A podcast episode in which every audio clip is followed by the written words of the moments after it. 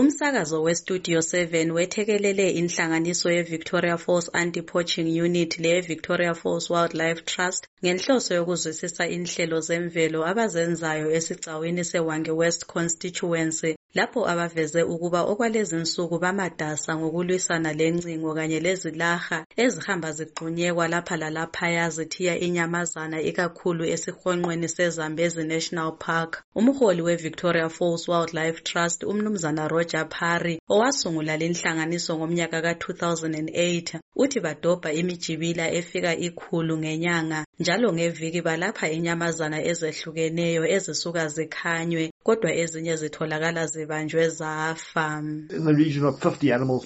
Thina ngomnyaka silapha ezidlula ezingamachumi amahlanu. Lokhu kusitsho ukuthi iviki ngeviki esibhedlela sethu silapha elinyazwe yimijibila le ngesikhathi se-COVID-19 sasilapha ezifika amachumi ayisitshiyagalombili.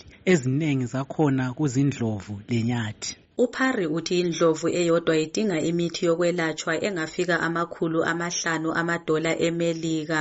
Isiphathamandla senhlanganiso yeVictoria Falls Anti-Poaching Unit, umnumzana Nathan Webb, uthi kunsukwana ezedluleyo badibane lenyamazana ezehlukeneyo zifele emjibileni. Wengeze njalo ukuthi indlovu ezimbalwa lazo sezalimala imboko lamasondo sibisenyathi. uWebb uthi amajambo ebutho labo elibalela amadoda alitshumi lanhlanu athungatha ebusuku lemini phakathi kwamahlathi.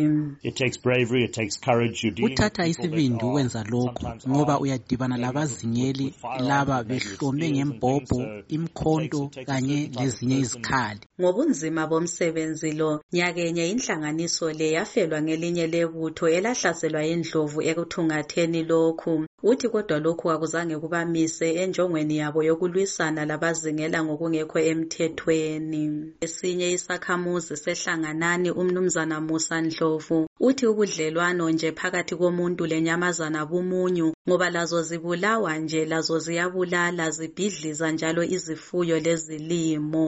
Kwenza nxa ngibona inyamazana sembona isitha ikanti-ke noma zingasidlela kodwa ngikwazi ukuthi kulenzuzo vele engizuzayo lami yabe ngithatha ngokuthi inyamazana yami. Izakhamizi lezi zithi ukuze kube nganeno bafuna ukuphiwa amandla nguhulumende kunzuzo yalezi nyamazana i-quota system ukuze labo abadlelweyo bakhokhelwe. Kubuye njalo kufakwe imingcele ehlukanisa abantu lezihonqo kodwa lokhu uhulumende kakakuthatheli inyathelo njengenhlanganiso uParry uthi sebelenhlelo abazisungulayo ukuzama ukuphathisa izakhamizi ukuthi zithole inzuzo ezifuyweni zabo ehlelweni lwe-Heading for Health lapho abazaqhatsha abelusi ngendlela zokuvikela ukuthi bangadlelwa izifuyo emadleleni izilwane zithole njalo ukulatshwa lokudijiswa ukuze nxa sezithengiswa zibe lentengo ephezulu.